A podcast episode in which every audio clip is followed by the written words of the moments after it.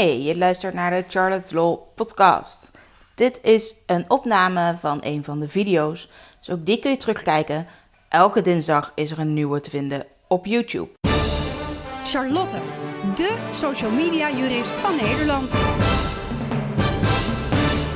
Je wil niet weten hoe vaak wij een e-mail of een vraag krijgen met: Heb je daar niet een modelletje voor liggen? Heb je niet gewoon wat uh, standaard voorwaarden voor me?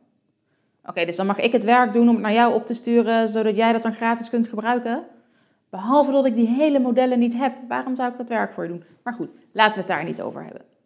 Die modellen, die heb ik niet. Nou ja, er zijn natuurlijk altijd wel wat bepalingen in contracten of algemene voorwaarden die je wat vaker terug ziet komen. Omdat het dan toch goede standaardbepalingen zijn waar je niet bijster veel aan wil veranderen. Maar met modellen werken is heel gevaarlijk. Modelcontracten bedoel ik dan, of model algemene voorwaarden. Het probleem is namelijk dat ze nooit lekker aansluiten op je onderneming. Waar wij heel veel opdrachten uithalen, is omdat mensen zo'n modelletje ergens vandaan hebben geplukt, dat zelf een beetje zijn gaan aanpassen. En vervolgens is er toch wat mis mee gegaan, omdat dat aanpassen niet goed is gegaan. Ja, als de problemen er eenmaal zijn, is het soms lastig om ze op te lossen.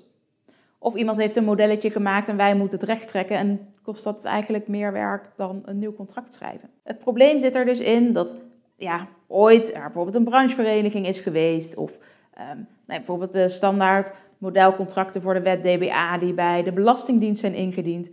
Ja, dat, dat zijn mooie basisdocumenten, maar als jij op een andere manier werkt, dan sluit het niet aan. Nou, daar kun je natuurlijk zelf dingen in gaan veranderen.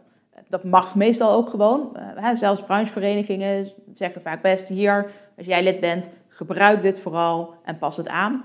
Alhoewel sommigen wel zo streng zijn dat ze juist zeggen, je mag er niks aan veranderen. Maar goed, als het meld mag, vooral ook doen zodat het beter aansluit op jouw bedrijf. Het probleem is alleen dat wat wij vaak tegenkomen, is dat mensen er bepalingen uithalen die daar juist in hadden moeten blijven staan, omdat je anders gewoon eigenlijk niet ja, gedekt bent in bepaalde situaties.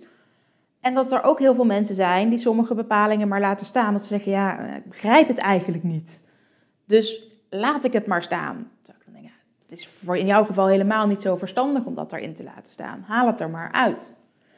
En wat we ook vaak zien gebeuren is dat mensen wat gaan veranderen. Omdat ze denken, nou, dat past beter. Uh, of, of ik denk dat ik mezelf daar beter bij indek. bijvoorbeeld overmacht. Ja, als je ondernemer bent, ZZP'er bent, dan denk je, als, als mijn auto op één stuk is, of als ik ziek ben, dan is dat overmacht. Maar in juridische zin is dat helemaal geen overmacht. Nou kun je B2B, dus tussen uh, zakelijke contracten, kun je daar best wat ruimer mee omgaan. Maar heb je consumenten als klanten, ja, dan mag je niet opeens zomaar je um, overmacht uitbreiden. Dus het probleem daarvan, als je dat toch wel doet, is dat je hele bepaling niet meer geldig is. Dan heb je opeens niks meer geregeld over overmacht. Nou, zo kun je misschien ook wel dingen opnemen in je algemene voorwaarden of een offerte of een contract, die ook op een andere manier juridisch niet mogen. En we hebben voor algemene voorwaarden een zogenaamde grijze en zwarte lijst. Uh, je kunt bijvoorbeeld ook geen 100% annuleringskosten rekenen als nog niet alle kosten zijn gemaakt. Toch zijn er heel veel mensen die dat in hun algemene voorwaarden zetten die bepaling is dan niet meer geldig. Wat mag je dan nog rekenen als annuleringskosten?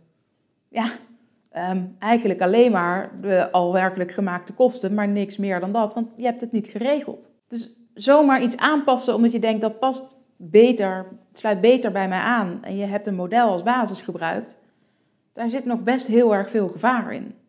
Terwijl ik denk dat het eigenlijk wel verstandig is om juist dat soort modellen aan te laten sluiten bij hoe jij werkt. Zodat jij niet jouw werkwijze hoeft aan te sluiten op zo'n model. Nou ja, dus de vraag of ik een modelletje voor je heb liggen, het antwoord is nee. Want ik wil namelijk dat jouw contracten zo goed mogelijk zijn. Die modelletjes, als je die echt graag wil gebruiken, een beetje goed googlen, dan vind je ze wel. Wil je iets dat gewoon goed op jouw onderneming aansluit, zodat jij eigenlijk niet meer hoeft na te denken over wat er nou in die contracten staat of in die algemene voorwaarden staat. Omdat je zeker weet dat het gewoon erin staat zoals jij werkt. Oké, dan mag je mij inschakelen.